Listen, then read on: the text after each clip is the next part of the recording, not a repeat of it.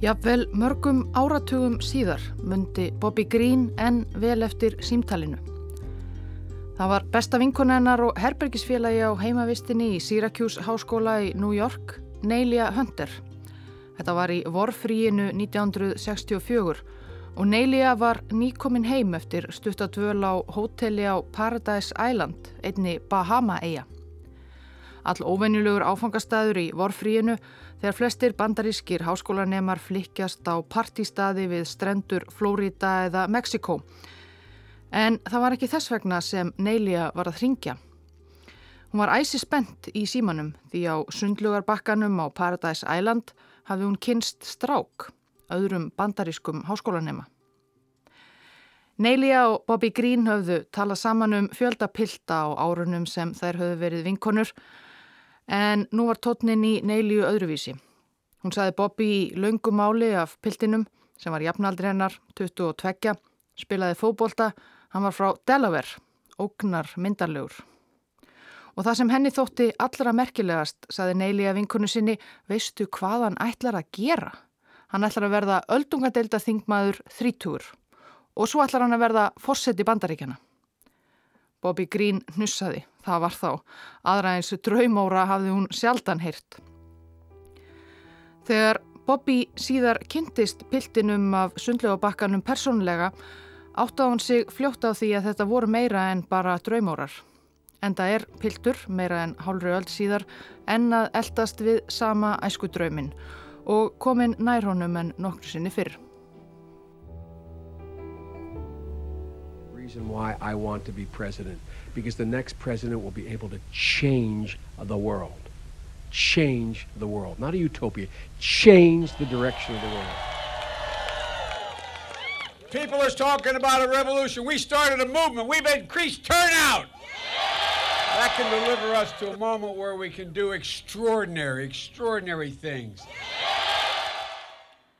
Borgin Scranton í Pennsylvania er í dag kannski þekktust alþjóðlega fyrir að vera sögusvið bandarísku útgáfunar af gamanþáttunum The Office um papírssölumenn. Borgin á sér þó ríkari sögu frá því um miðjan 19. öld sem yðnaðarborg sérstaklega í kólavinslu. Eftir að bandaríkinn blönduðist inn í setni heimsturjöld var eftirspurnin eftir kólaorku gífurleg og margir sem högnuðust í Scranton. Það var líka ímislegt annað sem hægt var að hagnast á á stríðsárunum, ímiskonar yðnaður sem tengdist stríðsrekstrinum. Tæpu ári eftir yngöngu bandarækjamanna í stríðið, 20. november 1942, fættist drengurinn í eina ágætlega efnaða fjölskylduna í Skranton. Hann var fyrsta barn forelra sinna og var skýrður eftir föður sínum bæði fór og millinafni, Joseph Robinette Biden yngri. Föðurafinn var ólíukaupmaður frá Baltimore og móðurafinn hafði efnast ágætlega í auglýsingabransa. Fadrin, Joseph Robinette Eldri, 27 ára við fæðingu frumburðarins, hafði svo ungur fengið vinnu hjá fyrirtæki frændasins sem framleiti sérstatt þétti efni fyrir lífsnauðsynlegan kaupskipaflota bandaríkjana á Allandshafi og hann malaði gull á stríðsárunum.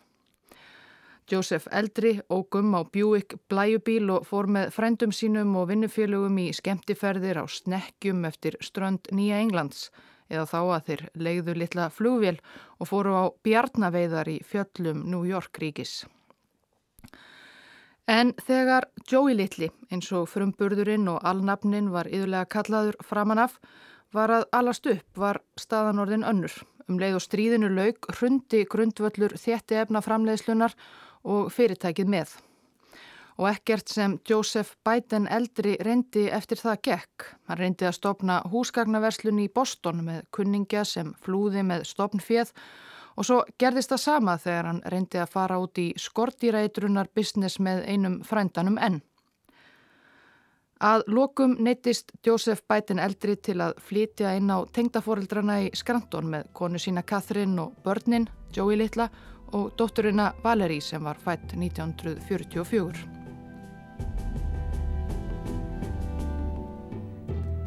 Tengdaforeldrarnir Ambrose og Geraldine Finnegan tóku litlu fjölskyldunni ágæðlega en sambúðin var ekki átaka laus. Finnigan hjónin voru ágætlega stæð en fóru sparlegar með peninga sína en Joseph Eldri hafi gert á stríðsárunum þegar hann óg á blæjubíl og ferðaðist í snekkjum. Þau voru líka af írskum ættum en hann ennskum. En Joseph Biden og fjölskylda ílengdust heima hjá Tengdó því honum gekk ítla að finna almennilega vinnu.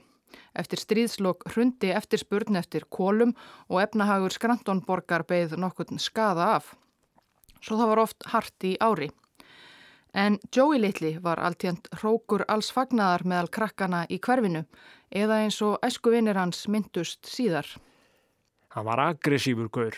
Hann var leiðtogi, hann tók áhættu. Hann var góðu náungi, vinur og sangjarn. Hann var bara einn af þessum sem er gaman að vera með. Hann vakti aðtikli og hann var svona aðal náungin. Það kom okkur ekkert óvart þegar hann náði árangur í lífinu. Við bara byggumst við því hvernig sem það er því. Í helstu æfisögu Joe Biden, A Life of Trial and Redemption eftir Jules Whitgover, eru all nokkrar síður lagður undir frásagnir af prakkarastrykkum og uppáttækjum Joeys. Hann var líka frakkur fóboltamæður og þrátt fyrir að vera langt frá því sterstur eða sterkastur hikaði hann ekki við að tækla aðra niður í forar svaðið af fullu afli. Skólinn var svo litið annað mál. Joey gekk í kathólskan skóla, bæten fjölskyldan var kathólsk eins og margar í Skranton. Og þar var honum stríkt af skólafjölugum og kennurum fyrir að stama.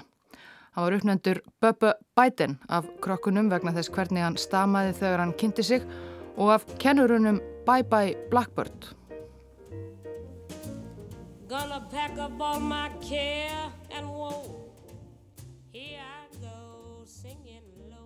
Þegar ég var heima með sískinu mínum, hjekk með vinunum í hverfinu eða í boltanum, var þetta allt í lagi. Þegar ég var settur í nýjar aðstæður, í nýjan skóla, var látin lesa uppátt eða vildi reyna við stelpu, þá gati ég það bara ekki.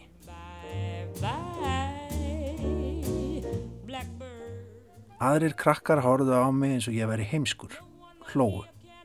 Mér langaði svo að sanna að ég væri eins og allir aðrir. Enn í dag man ég eftir óttanum, skömminni, reyðinni, jafn skýrt og þá.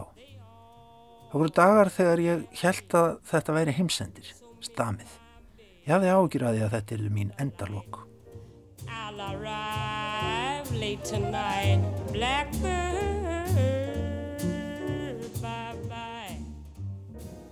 Þegar Joey var tíu ára flutti fjölskyldan til Wilmington, stærstu borgarinnar í næst minsta ríki bandaríkjana Delaware, þar sem Joseph Eldri hafi fengið langþráða vinnu við að reynsa miðstöðvarkalla.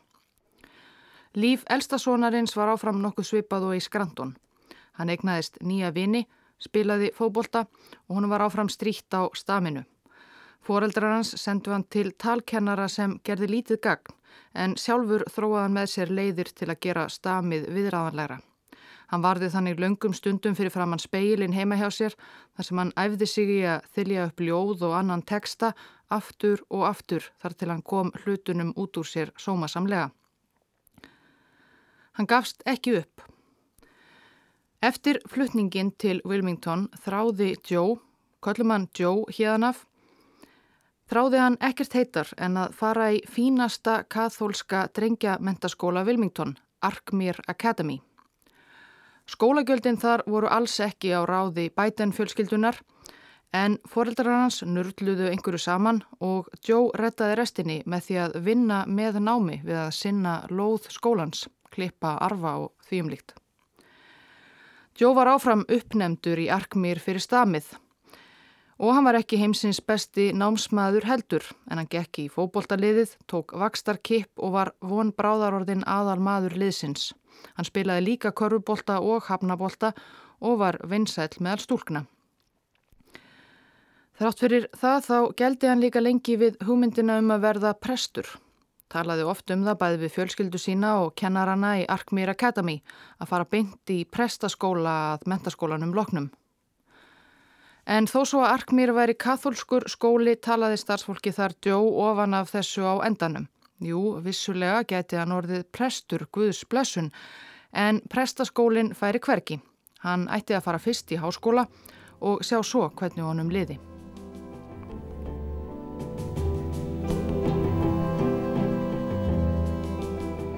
Because I am a Catholic, and no Catholic has ever been elected president, it's apparently necessary for me to state once again not what kind of church I believe in, for that should be important only to me, but what kind of America I believe in.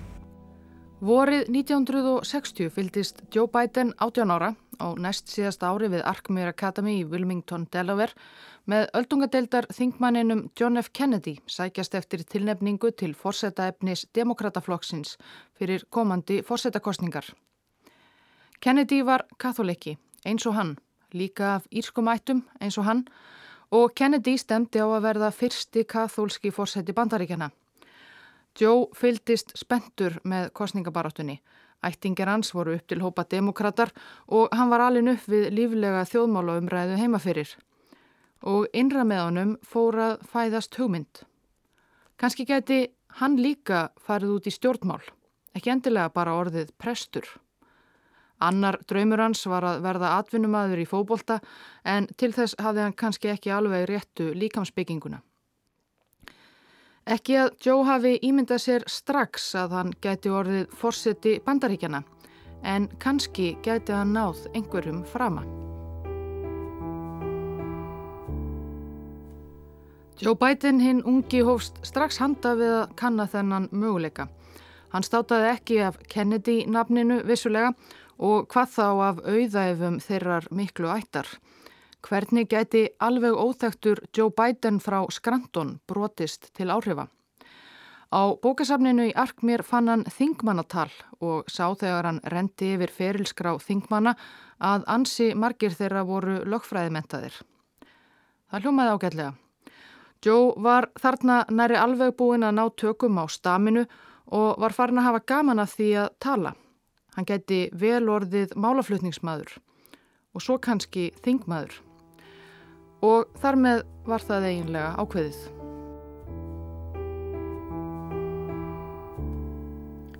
Haustið 1961 hóf Joe Biden 19 ára nám við háskólan í Delaware í Newark um 20 km frá Wilmington. Hann skráði sig í stjórnmálafræði og sakfræði með það markmiði að fara síðan í lögfræði og já, síðan í pólitík. Í háskólanum hjælt Joe áfram að spila fókbólta. Hann fór í parti og eldist við stelpur. En hann vakti líka aðtegli í skólanum fyrir að vera alltaf snirtilega til fara. Maður sá hann aldrei í stryga skó meða með ógirta skirtu, myndist einn skólafélagi síðar og svo drakk hann ekki. Bæten hefur aldrei drukkið, nóg af alkoholistum í fjölskyldunni, segir hann, og honum var almennt umhugað um heilbrygt lífverðni. Einn stúlka sem fór á deit með honum saði síðar að þegar hún kveikti sér í síkarettu hafi Joe nexlast og sagt henni að henda síkarettunni tafarlust út um glukkan. Þá hefði hún vitað að stefnum á þeirra erðu ekki fleiri. Sumarið eftir fyrsta árið í háskóla vann Joe sem sundlögavörður í fátæku hverfi Virmington þar sem meiri hluti íbúa var þeldökkur. Hann var eini kvítimaðurinn í starfsliði lögarinnar. Þetta var í fyrsta sinn sem ég kynntist og vingaðist við svarta stráka ára Östubænum sem gengu allir í sér svarta háskóla. Ég dróst svolítið inn í líf þeirra. Við spiluðum saman og af tíu strákum á körfuboltavellinum var ég sá eini kvíti. Og það rann upp fyrir mér að ég var eini kvíti gaurinn sem þeir þekktu. Þeir spurðu mér spurninga eins og hvernig láti eiginlega kvíta stelpur? Þetta var eins og við værum skiptinemar. Þetta var mér mikil vakning.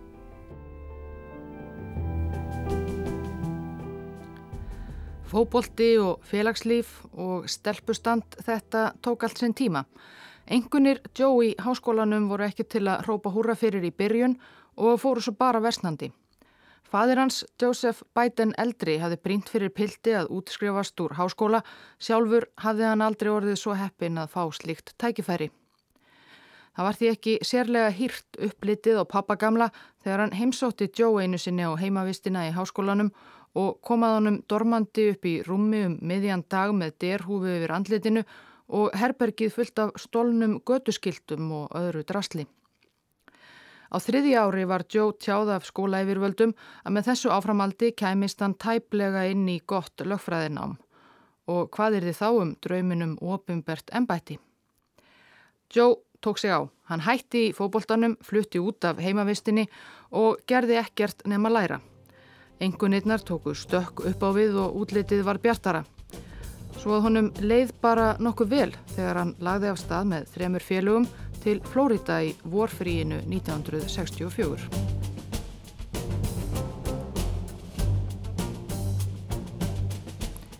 Þegar ungu háskólanematnir fjórir komu á áfangastað, Fort Lauderdale í Flórida, eftir langa keirslu niður bandaríkinn frá Delaware, rak þá í rógastans. Það úði allt og grúði af háskólapiltum á ströndum og börum borgarinnar, en stúlkunnar virtust miklu færri. Tíu þúsund strákar á hverja stelpu lísti einn félagi Jós því síðar, sem sé þetta var varla erfiðisins virði.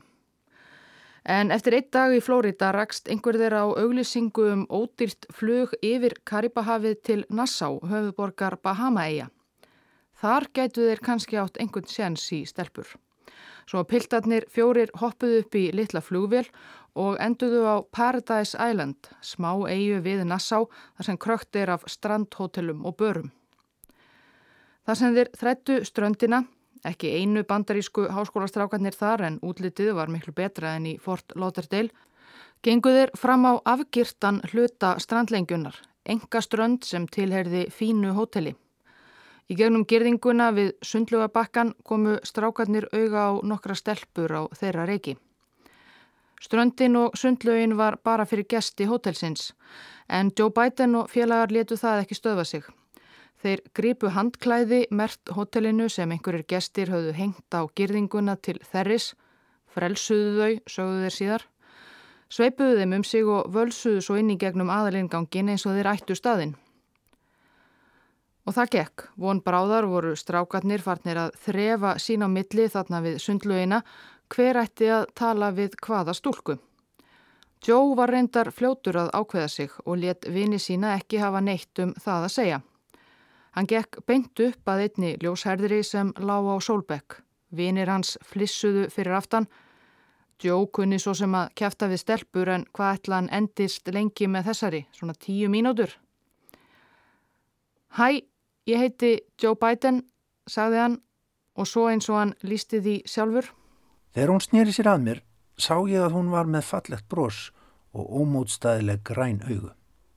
Jafnvel í miskunarlausu ljósi síðdegi sólarinnar sá ég ekki einn einasta galla á henni. Já, ég varði einlega bara astnalega ástfangin við fyrstu sín. Og svo var svo auðvelt að tala við hana. Þetta verður meira en tíu mínútur. Vinirnir sá lítið af Joe það sem eftir livði dvalarinnar á Bahama-eigum.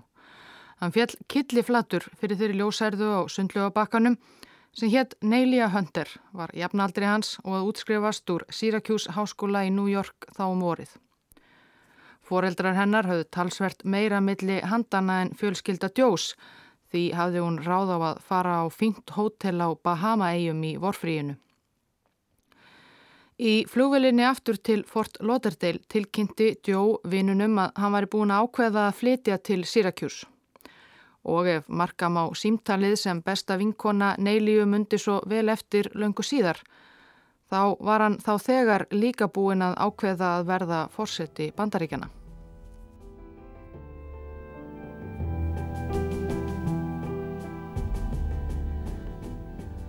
Joe stóð við orðsín. Síðasta veturinn í háskólanum í Delaware hjælt hann sambandi við Neilíu og kyrði hverja helgi til heimabæjar hennar Skani Atles, ekki langt frá Syracuse, meira en 500 km leið.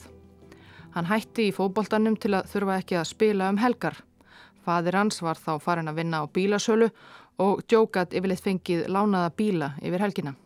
Ég var einn í ferðunum til og frá Skani Atlas og jáfnvel þegar ég var að brjóta eigin hraðamett 500 km á 5 tímum með lág á hafði ég nægan tíma til að sjá fyrir mér framtíðina sem við Neilíja töluðum um.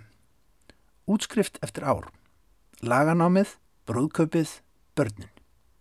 Hún vildi eignast fimm og það var mér alveg að meina lausu.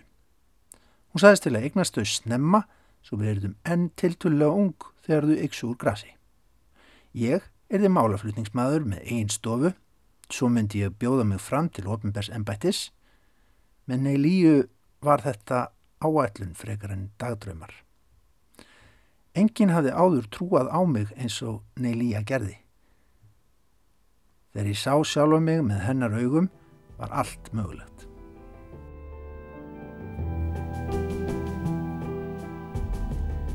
Haustið 1965 byrjaði Joe Biden 23 ára í lögfræðidelt Syracuse háskóla, allt samkvæmt áætlun. Engunirnar höfðu dugað til og hann nældi sér í skólastyrk og vann þar að auki sem ráðgjafi fyrir nýnema til að eiga fyrir skólagjöldunum. Öllum skólafélögum sem heyra vildu sagði hann að hann ætlaði á endanum að bjóða sig fram til öldungadeildar bandaríkjathings fyrir Delaware.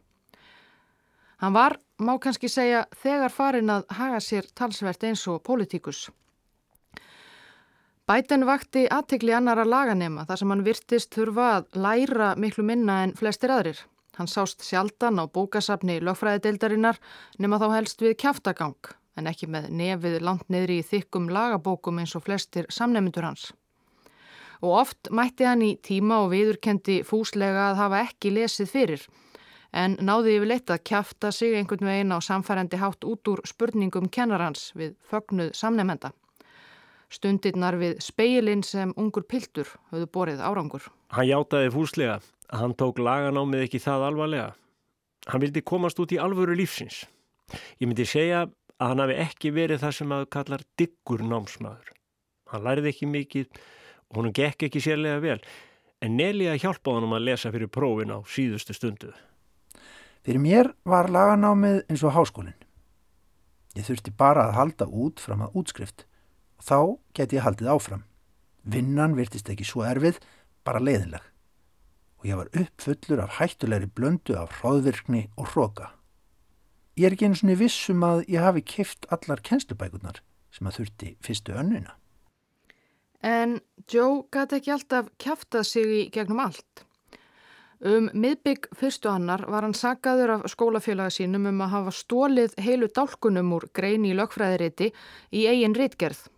Bæten þurfti að standa fyrir máli sínu fyrir kennaranemnd. Hann játaði sök að hluta til. Kaplar í rítgerðans væru vissulega úr tjæðri grein. En raunin væri að hann hefði skrópað í tímanum þar sem kent voru rétt vinnubröð við að vitna í fræðigreinar. Þess vegna hefði þetta allt farið í handaskólum hjá honum. Kennararnir fjallust á þetta, Jó þurfti að taka þennan ákveðna kurs aftur en slappað öðru leiti með aðvörun.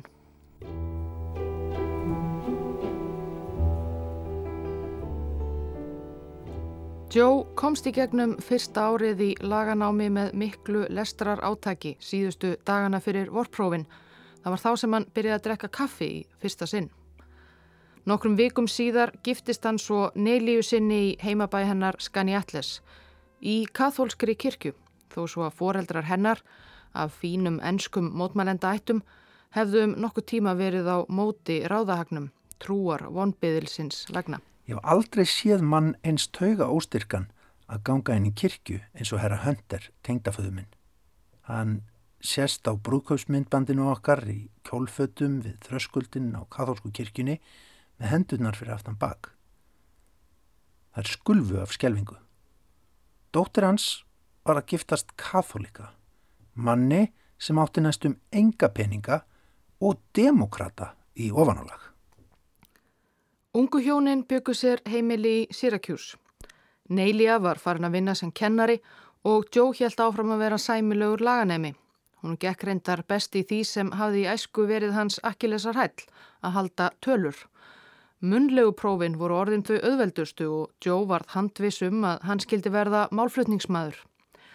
Hann útskrifaðist sem lögfræðingur vorið 1968, ekki með glæsibrag. Þvert á móti var hann í engunaröð 70. og 70. 85. manna bekk. En hann fekk í veganesti meðmælabrið frá kennara einum sem sagði hann þrátt fyrir allt sannfærandi og snarpan ræðumann og efni góðan málflutningsmann. Hann gæti vafalaust heitlað kviðdóm. Og með það upp á armin og samböndi í heimabegð tókst honum að tryggja sér starf hjá stóri lögmannstofu í Wilmington, Delaware.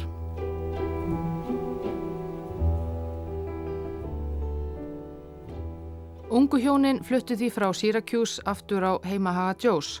Hann endist reyndar ekki lengi hjá stóru lögmannstofunni. Hún syndi aðalega tryggingafélögum, verktökum og stórfyrirtækjum og starfsmenn voru upp til hópa republikanar. Gaktu í ungliðar heimingu flokksins, sögðu eldri vinnufélagar yðurlega við Joe. Hann umlaði og þorði ekki að viðkjanna að hann gæti ekki hugsað sér að vera í sama stjórnmálaflokki og Richard Nixon sem hann hafði óbeitt á. Mjög vinstri sinnaður var hann þó alls ekki og í ríkispolítikinni í Delaware var hann um margt hrifnari af stefnu republikana en demokrata sem honum þótti til að mynda helst til íhaldsamir í félagsmálum. Samband ríkistjóra Delaware sem var demokrati og svartra íbúa ríkisins voru allt annað en góð. Innan flokksins voru enn þeir sem voru fylgjandi aðskilnaði svartra og kvítra í skólum og annar staðar í þjóðlífinu og svo framvegis. Joe hafði samúð með svörtum nágrunum sínum, bjó ennað reynslunni að hafa kynst vinnufélögum sínum í sundlögavörslunni í den. Eftir sex mánuði saði Joe skilið við stóru lögmannstofuna og gekk til liðs við aðra minnistofu sem varði ekki treykingafélög og verktaka heldur verkafólk, fátæka, fólk í minnihlutahópum. Þar lærði ég hvernig á að hjálpa fólki á erfiðustu augnablikum lífs þess. Fyrir utan almenna lögfræðaðstóð þurft að hugresta þau í gegnum það versta.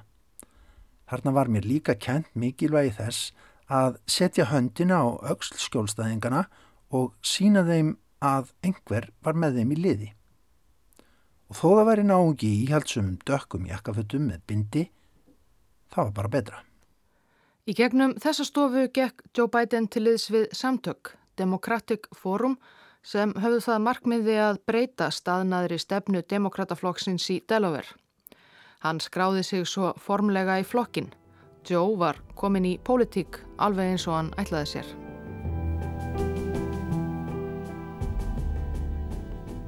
Bæði Joe og Neilia stóðu yfirleitt við orðsín. Hún vildi eignast mörg börn og hún vildi eignast þau hratt. Frumburðurinn fættist í februar byrju 1969. Það var sonur sem fekk nafnið Joseph Robinette Biden, þriðja kynnslóðin með þetta sama nafn. En hann var reyndar alltaf kallaður Bó. Þremur mánuðum eftir fæðinguna var Neilia aftur ólétt og einum degi eftir fyrsta amalistag Bólitla fættist bróður hans sem fekk nafnið Robert Hunter í höfuðið á móðurafa sínum. Og það var áframt skamt stóra högga á milli. Einu og hálfu ári síðar, í november byrjun 1971, fættist þriðja barnið og fyrsta dóttir þeirra Joe og Neiliu sem fekk nafnið Naomi. Á meðan þetta barnalán dundi yfir var svo nóg annað að gerast hjá henni sístækandi fjölskyldu. Það þurfti að útvega almennilegt húsnæði auðvitað og það var bras. Um tíma bjó fjölskyldan í kofa á landaregn engaklúps í útjæðri Wilmington. Það var frítt gegn því að Joe rifjaði upp gamla takta og gætti sundlugarinnar um helgar. Ég var örglega eini lögmaðurinn í Delaware sem var sundlugavörður á lögardögum, skrifaði Biden síðar en að lokum komustu yfir almennilegt hús rétt fyrir utan Wilmington. Og Biden stopnaði sína eigin litlu lögmannstofu alveg eins og hann hafi séð fyrir sér í laungu bíltúrunum til Neilíu nokkrum árum áður. En pólitískur ferillans var þá líka að fara á flug. Hann byrjaði á því síðla árs 1970 að áækjan félaga sinna í Democratic Forum að bjóða sér fram til setu í sveitarstjórn Newcastle County sem Wilmington borg tilherir. Hann gerði fleiri félagslegar íbúðir í útkverfum borgarinnar að sínu helsta baráttumáli og stundaði ötula kostningabaráttu. Hann, Neilíja og ymsir ættingjar bönguðu upp á hús úr húsi og báru út bæten fagnaðarerindið. En það vann hann með ágætu 2000 atkvæða fórskoti þó svo að almennt hafi þetta þótt slemt ár fyrir demokrataflokkin í Delaware.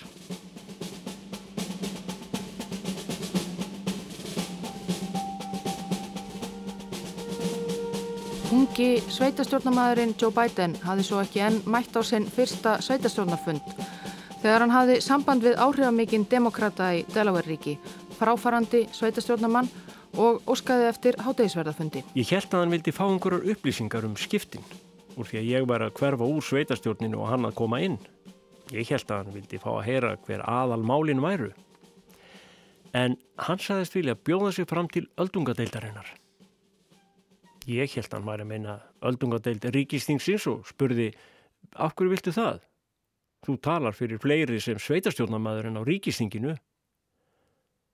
Þá sagðan, nei, ég er að tala um öldungadeild bandaríkjathings. Andlitið datt af þeim fráfarandi. Joe Biden var 28 ára, algjör nýgræðingur í pólitík og republikanarnir tveir sem þá töluðu máli Delaware í öldungadeildinni voru báðir vel liðnir og reynslumiklir. En Joe hafði jú ætlað sér árum saman að komast í öldungadeildina þrítúur sem er vel að merkja aldurstakmark þingmana í öldungadeildinni.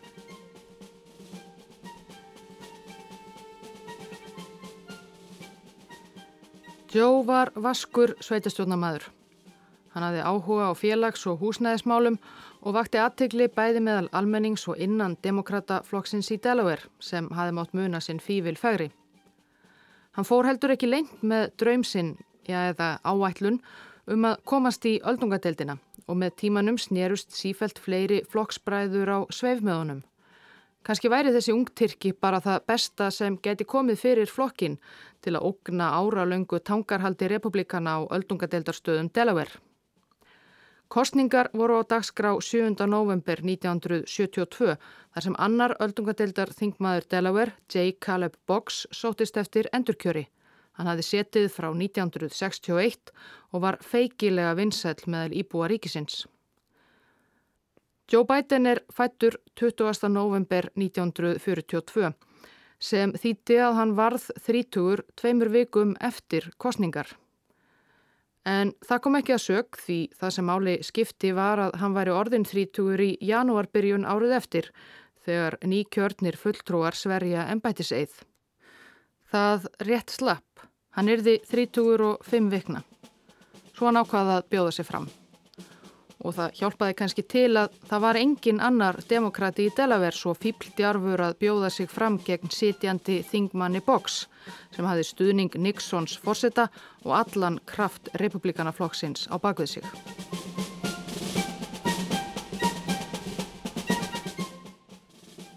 Joe Biden hins vegar var ekki með mikið í höndunum. Sistir hans Valeri stjórnaði kostningabaráttunni Fjölskyldan öll tók þátt og flestir aðrir starfsmenn voru sjálfbóðaleðar. Bæten sló lán til að eiga fyrir auglýsingum í blöðum og útvarpi.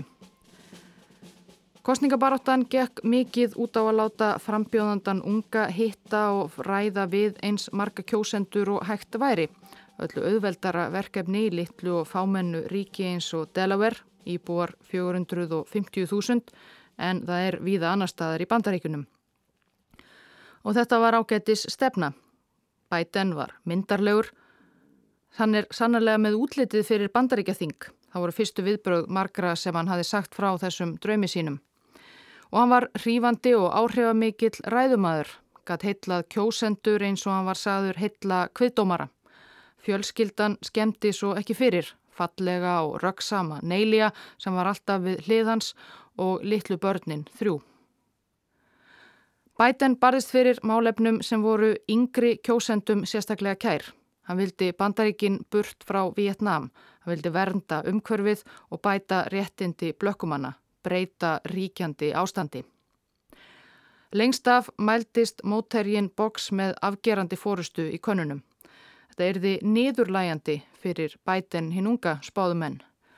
En þegar kjörgdagur nálgæðist dró saman með frambjöðundunum þanga til að útlitið varði raun og veru nokkuð tvísýnt.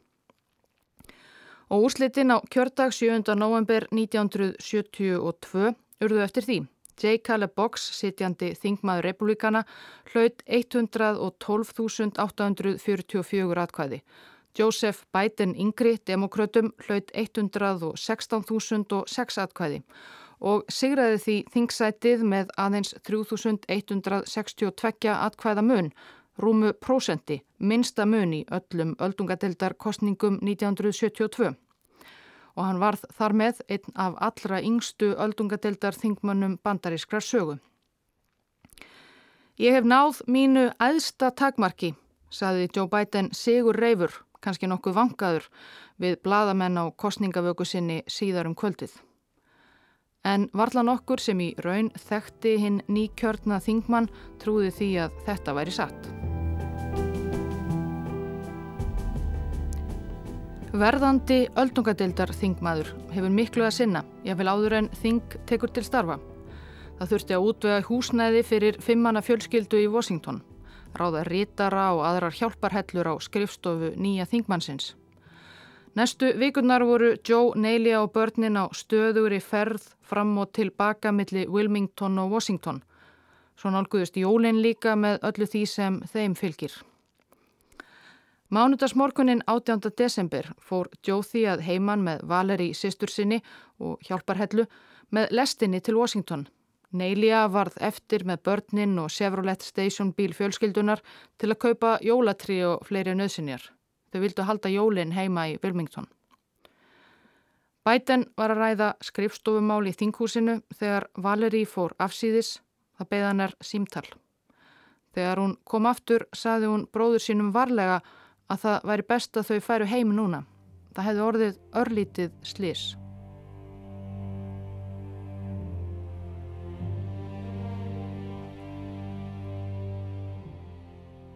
Var það eitthvað við röttina í Valeri? eitthvað við munnvibrurnar. Ég fann fyrir einhverju yfirstyrmandi, einhverju sterkara en hugbóði.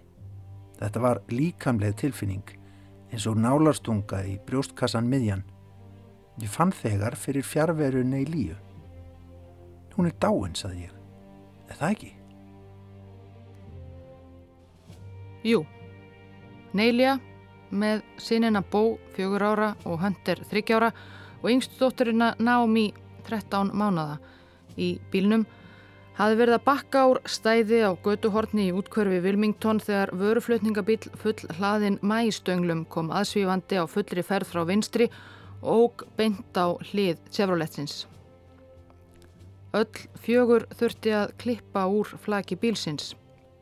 Við komuna á spítala voru Neilíja og dóttirinn Naomi 13 mánada þegar látnar.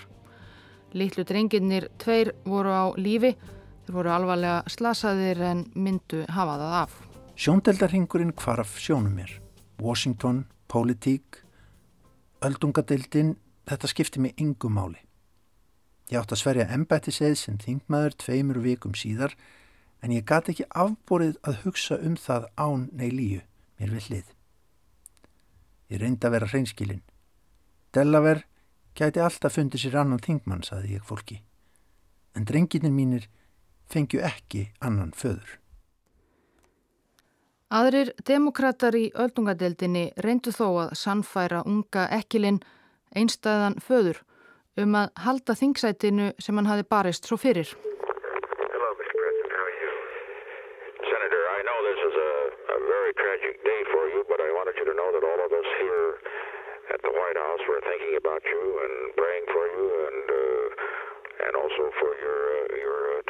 Richard Nixon fórseti sem Biden hafði óbeit á, hann ringdi og vottaði samúð sína. Allir í kvítahúsinu hugsuðu til hans og drengjana og Neilja fyldist með honum. Það hlítið að vera. Uh.